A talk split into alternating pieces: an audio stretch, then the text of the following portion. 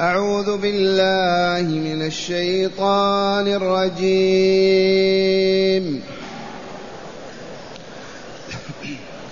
للفقراء المهاجرين الذين أخرجوا من ديارهم وأموالهم يبتغون فضلاً يبتغون فضلا من الله ورضوانا وينصرون الله ورسوله. أولئك هم الصادقون. والذين تبوأوا الدار والإيمان من قبلهم يحبون من هاجر إليهم ۖ. يحبون من هاجر إليهم ولا يجدون في صدورهم حاجة ولا يجدون في صدورهم حاجة مما أوتوا ويؤثرون على أنفسهم ويؤثرون على أنفسهم ولو كان بهم خصاصة. ومن يوق شح نفسه فأولئك هم المفلحون. والذين جاءوا من بعدهم يقولون ربنا اغفر لنا ربنا اغفر لنا ولإخواننا الذين سبقونا بالإيمان ولا تجعل في قلوبنا غلا للذين آمنوا ربنا إنك رؤوف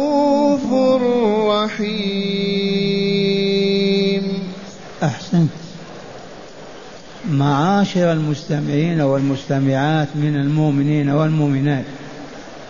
قول ربنا جل ذكره للفقراء المهاجرين ما زال السياق في بيان قسمة فيء بني النضير وتقدم السياق في ذلك طويلا. ما زال السياق في ذلك. يقول للفقراء المهاجرين هؤلاء هم الذين يستحقون الفيء والرسول الكريم يوزع عليهم. لماذا؟ ما هم أهل بلد ولا أهل مال ولكن جاءوا هاربين من مكة مهاجرين تركوا أموالهم تركوا ما يملكون هؤلاء أولى بالإنفاق عليهم وأخذهم من هذا الفيء في بني النضير للمهاجرين للفقراء المهاجرين. أما الأغنياء فلا يعطون لكن فقير مهاجر أولى بهذه النفقة. الذين أخرجوا من ديارهم يعني بهم فقراء مكة الذين هاجروا من مكة ودخلوا المدينة فقراء. أخرجوا من ديارهم التي كانوا يسكنونها في مكة وأموالهم التي كانوا يستعملونها وينتفعون بها. هؤلاء لما خرجوا من مكة لما هاجروا لما نزلوا بالمدينة يبتغون فضلا من الله ورضوانا. يبتغون فقط الفضل من الله والرضوان منه. هذا الذي دفعهم إلى الهجرة وترك بلادهم وأموالهم ونزولهم بالمدينة. وينصرون الله ورسوله من أسباب هجرتهم وعواملها أنهم جاءوا لينصروا رسول الله صلى الله عليه وسلم ونصروه وينصرون الله في دعوته التي بعث بها الرسول ليبلغها فيدعون مع رسول الله الناس إلى التوحيد والإيمان.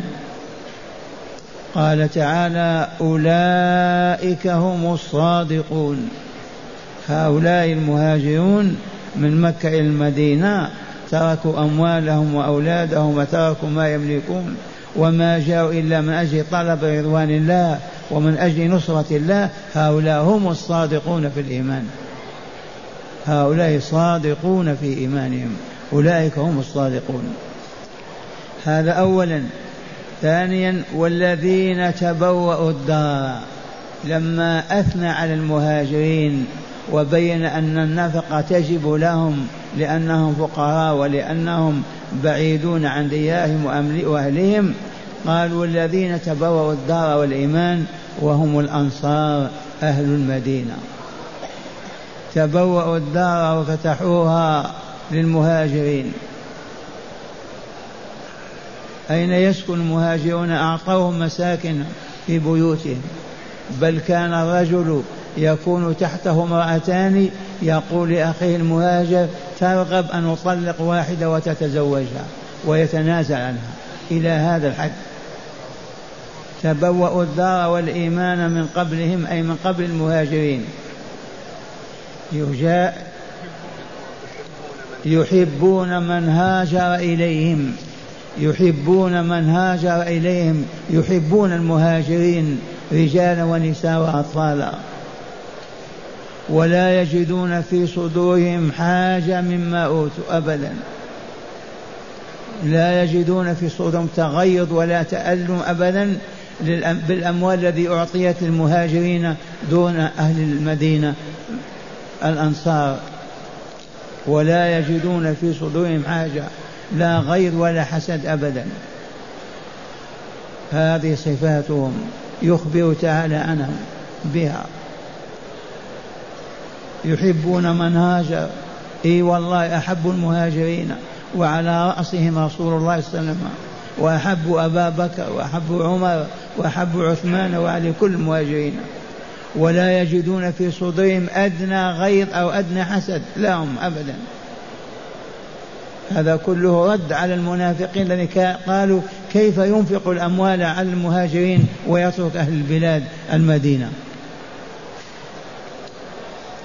هكذا يقول تعالى عنهم يحبون من هاجر إليهم ولا يجدون في صدورهم حاجة مما أوتوا أي مما أعطوا مما أعطاهم الرسول صلى الله عليه وسلم من في بني النضير. ويؤثرون على أنفسهم ولو كان بهم خصاصة. كما قلت لكم الرجل تكون تحته امرأتان فيقول لأحد المهاجرين أطلق واحدة وخذها أنت وتزوجها. ويروى أيضا أن أحدهم رضي الله عنهم جاءه ضيف في الليل وليس عنده إلا عشاء فقط مقدار عشاء فقال لزوجته نوم الأطفال حتى لا يصيحوا. فنومتهم ثم قال قدم الطعام فقدمته قال أطفئي النور فأطفأ السراج حتى يأكل الضيف وحده ويشبع ويبيت هو وزوجته وأولاده جياعا ويؤثرون على أنفسهم غيرهم من المهاجرين ولو ولو ولو بهم خصاصة حاجة ومجاعه ثم قال تعالى ومن يوق شح نفسه فأولئك هم المفلحون.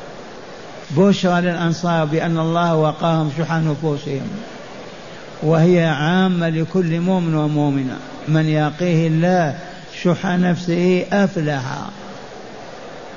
حتى إن أحد الصحابة يطوف ويقول في الطواف الدعاء قني شح نفسي قني يا رب شح نفسي اللهم قني شح نفسي. لأن شح النفس هو الذي يحمل على الذنوب والآثام. والذي يحمل على الزنا والربا. حب أن يحمل النفس على القتل والظلم والشر والفساد. واسمعوا رسول الله صلى الله عليه وسلم يقول اتقوا الظلم فإن الظلم ظلمات يوم القيامة. واتقوا الشح فإن الشح أهلك من كان قبلهم قبلكم حملكم حملهم على قتل أنفسهم واستباحة واستباحة ما حرم الله عليهم. اتقوا الظلم فإن الظلم ظلمات يوم القيامة. واتقوا الشح فإنه أهلك من كان قبلكم. حملهم على سفك دمائهم دمائهم وقتل واستحلال محارمهم. مرة ثالثة هذا الحديث ينبغي أن يذكر ولا ينسى. اتقوا الظلم. فإن الظلم ظلمات يوم القيامة. والذي يعيش في الظلم يوم القيامة يدخل الجنة. كيف يراها؟ ما يرى إلا جهنم. واتقوا الشح احذروه ابتعدوا عنه طهروا نفوسكم منه. لا تقبلوا عليه لا ترضوا لأنفسكم ولا لأحد من إخوانكم. فإنه أهلك من كان قبلكم من الأمم. حملهم على أن سفكوا دماءهم واستحلوا محارمهم. الشح والعياذ بالله. وحسبنا في بيان فضيلة الشح قول ربنا عز وجل ومن يوق شح نفسه فأولئك هم المفلحون. من هو الذي يقينا الشح؟ الله. ومعنى هذا أدعو الله سلوه اطلبوه في صلاتكم في صيامكم في عباداتكم في طوافكم أن يقيكم شح نفوسكم. فإن من وقاه الله شح نفسه أفلح فاز نجا. ومن يوق شح نفسه فأولئك هم المفلحون في الدنيا والآخرة. والفلاح في الآخرة الفوز وهو البعد عن النار ودخول الجنة. قد أفلح من زكاها وقد خاب من دساها. أفلح بمعنى فاز. والفوز يوم القيامة ليس كالفوز في الدنيا ربحك شاء أو بعيرا ولكن النجاة من النار ودخول الجنة. ثم قال تعالى والذين جاءوا من بعدهم يقولون ربنا اغفر لنا ولإخواننا الذين سبقونا بالإيمان ولا تجعل في قلوبنا غلا للذين آمنوا. الطوائف ثلاثة المهاجرون الأنصار التابعون وتابعوهم إلى يوم الدين. الفرق كم؟ ثلاثة أولهم وأفضلهم المهاجرون ثانيهم الأنصار ثالثهم التابعون لهم في الإيمان وصالح الأعمال إلى يوم القيامة. وهنا عظم ظلم وكفر من يسب أصحاب رسول الله. عظم كفره وعظم ظلمه واشتد قبحه ذاك الذي يسب أصحاب رسول الله. والله يقول والذين تبوأوا الدار والإيمان من قبلهم هؤلاء هم الأنصار. فذكر تعالى الطوائف الثلاثة. والذين جاءوا والذين جاءوا من بعدهم يقولون ربنا اغفر لنا ولإخواننا الذين سبقونا بالإيمان ولا تجعل في قلوبنا غلا للذين آمنوا ربنا إنك رؤوف رحيم.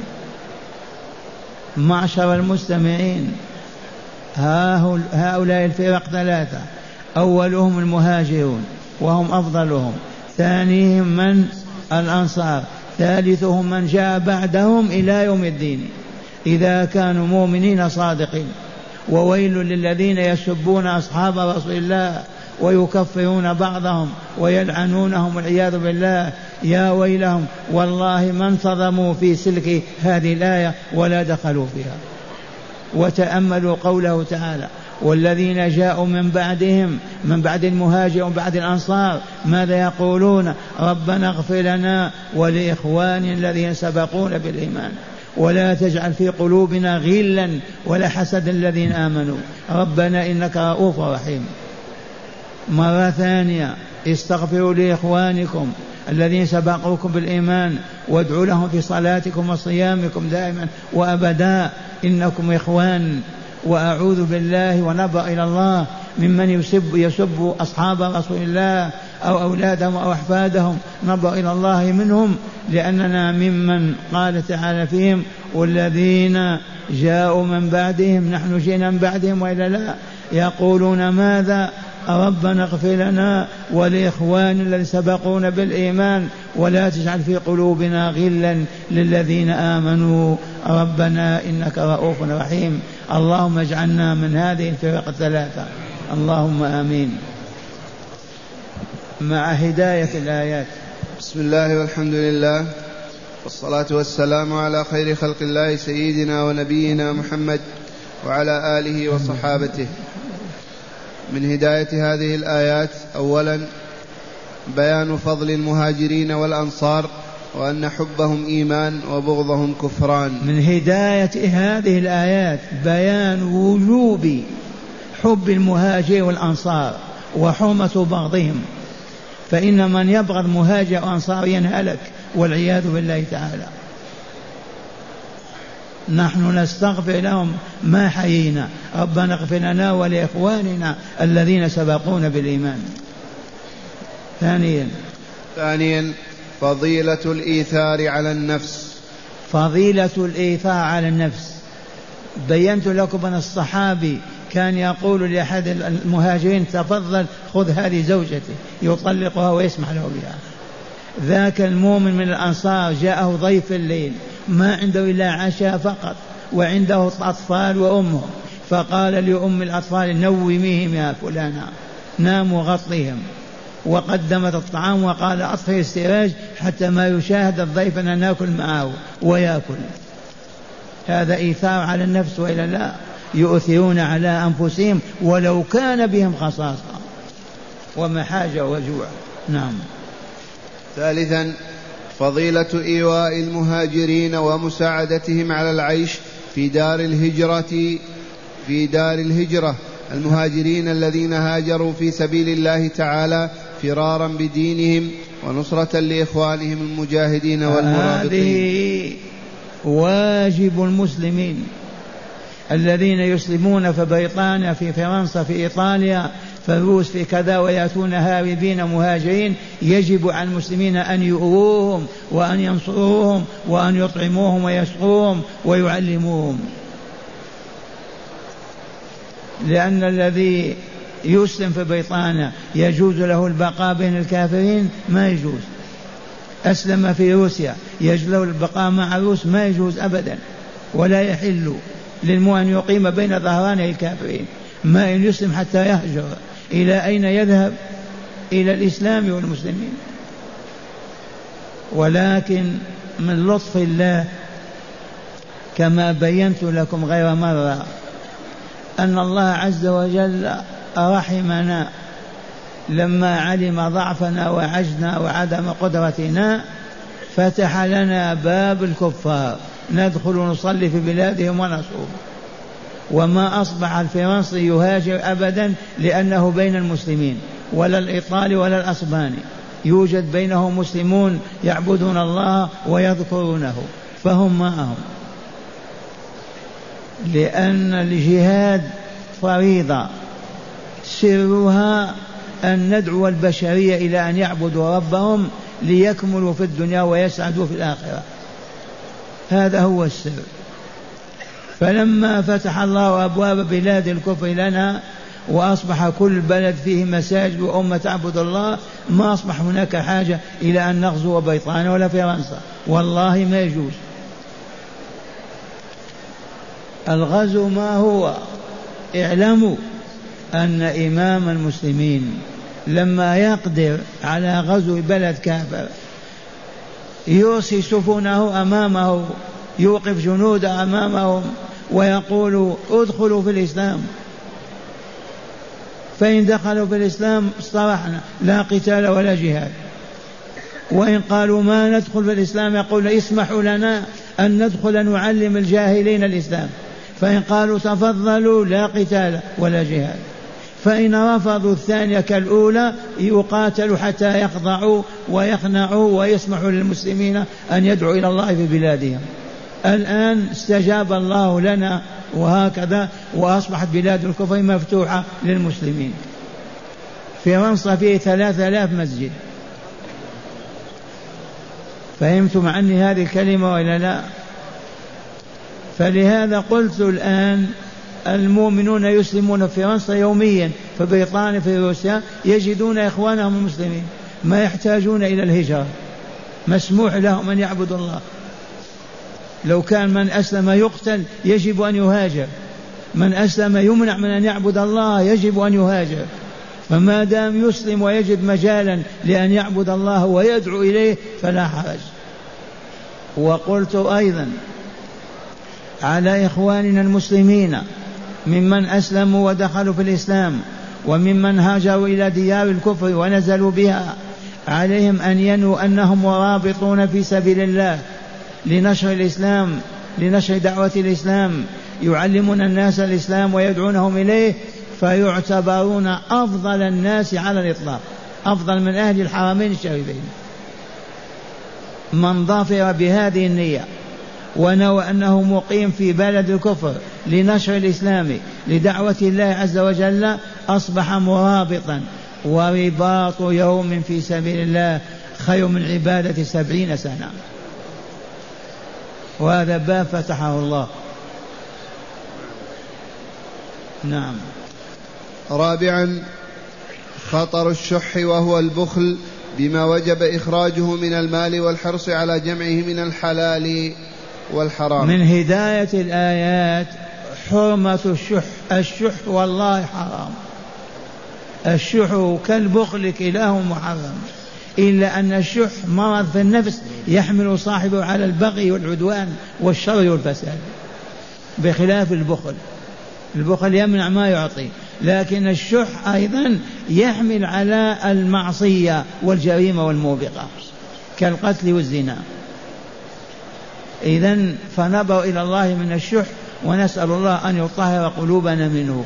اللهم طهر قلوبنا من الشح يا رب العالمين. واجعلنا من المنفقين في سبيلك المطيعين لك ولرسولك. وصل اللهم على نبينا محمد. وأخيرا بيان طبقات المسلمين ودرجاتهم. وهي ثلاثة بالإجمال. اولا المهاجرون الأولون. ثانيا الأنصار الذين تبوأوا الدار أي المدينة وألفوا الإيمان. ثالثا من جاء بعدهم من التابعين وتابع التابعين إلى قيام الساعة من أهل الإيمان والتقوى. من هداية الآيات ما سبق أن قلت لكم. إننا ثلاثة أصناف. المهاجرون أفضلنا دونهم الأنصار أفضلنا بعدهم من جاء بعدهم وآمنا واستقاما ولم يسب صحابيا ولا صحابيا. ولم يذم مؤمن ولا مؤمنا من المهاجر والأنصار إلى يوم الدين. اللهم اجعلنا من الفئات الثلاثة.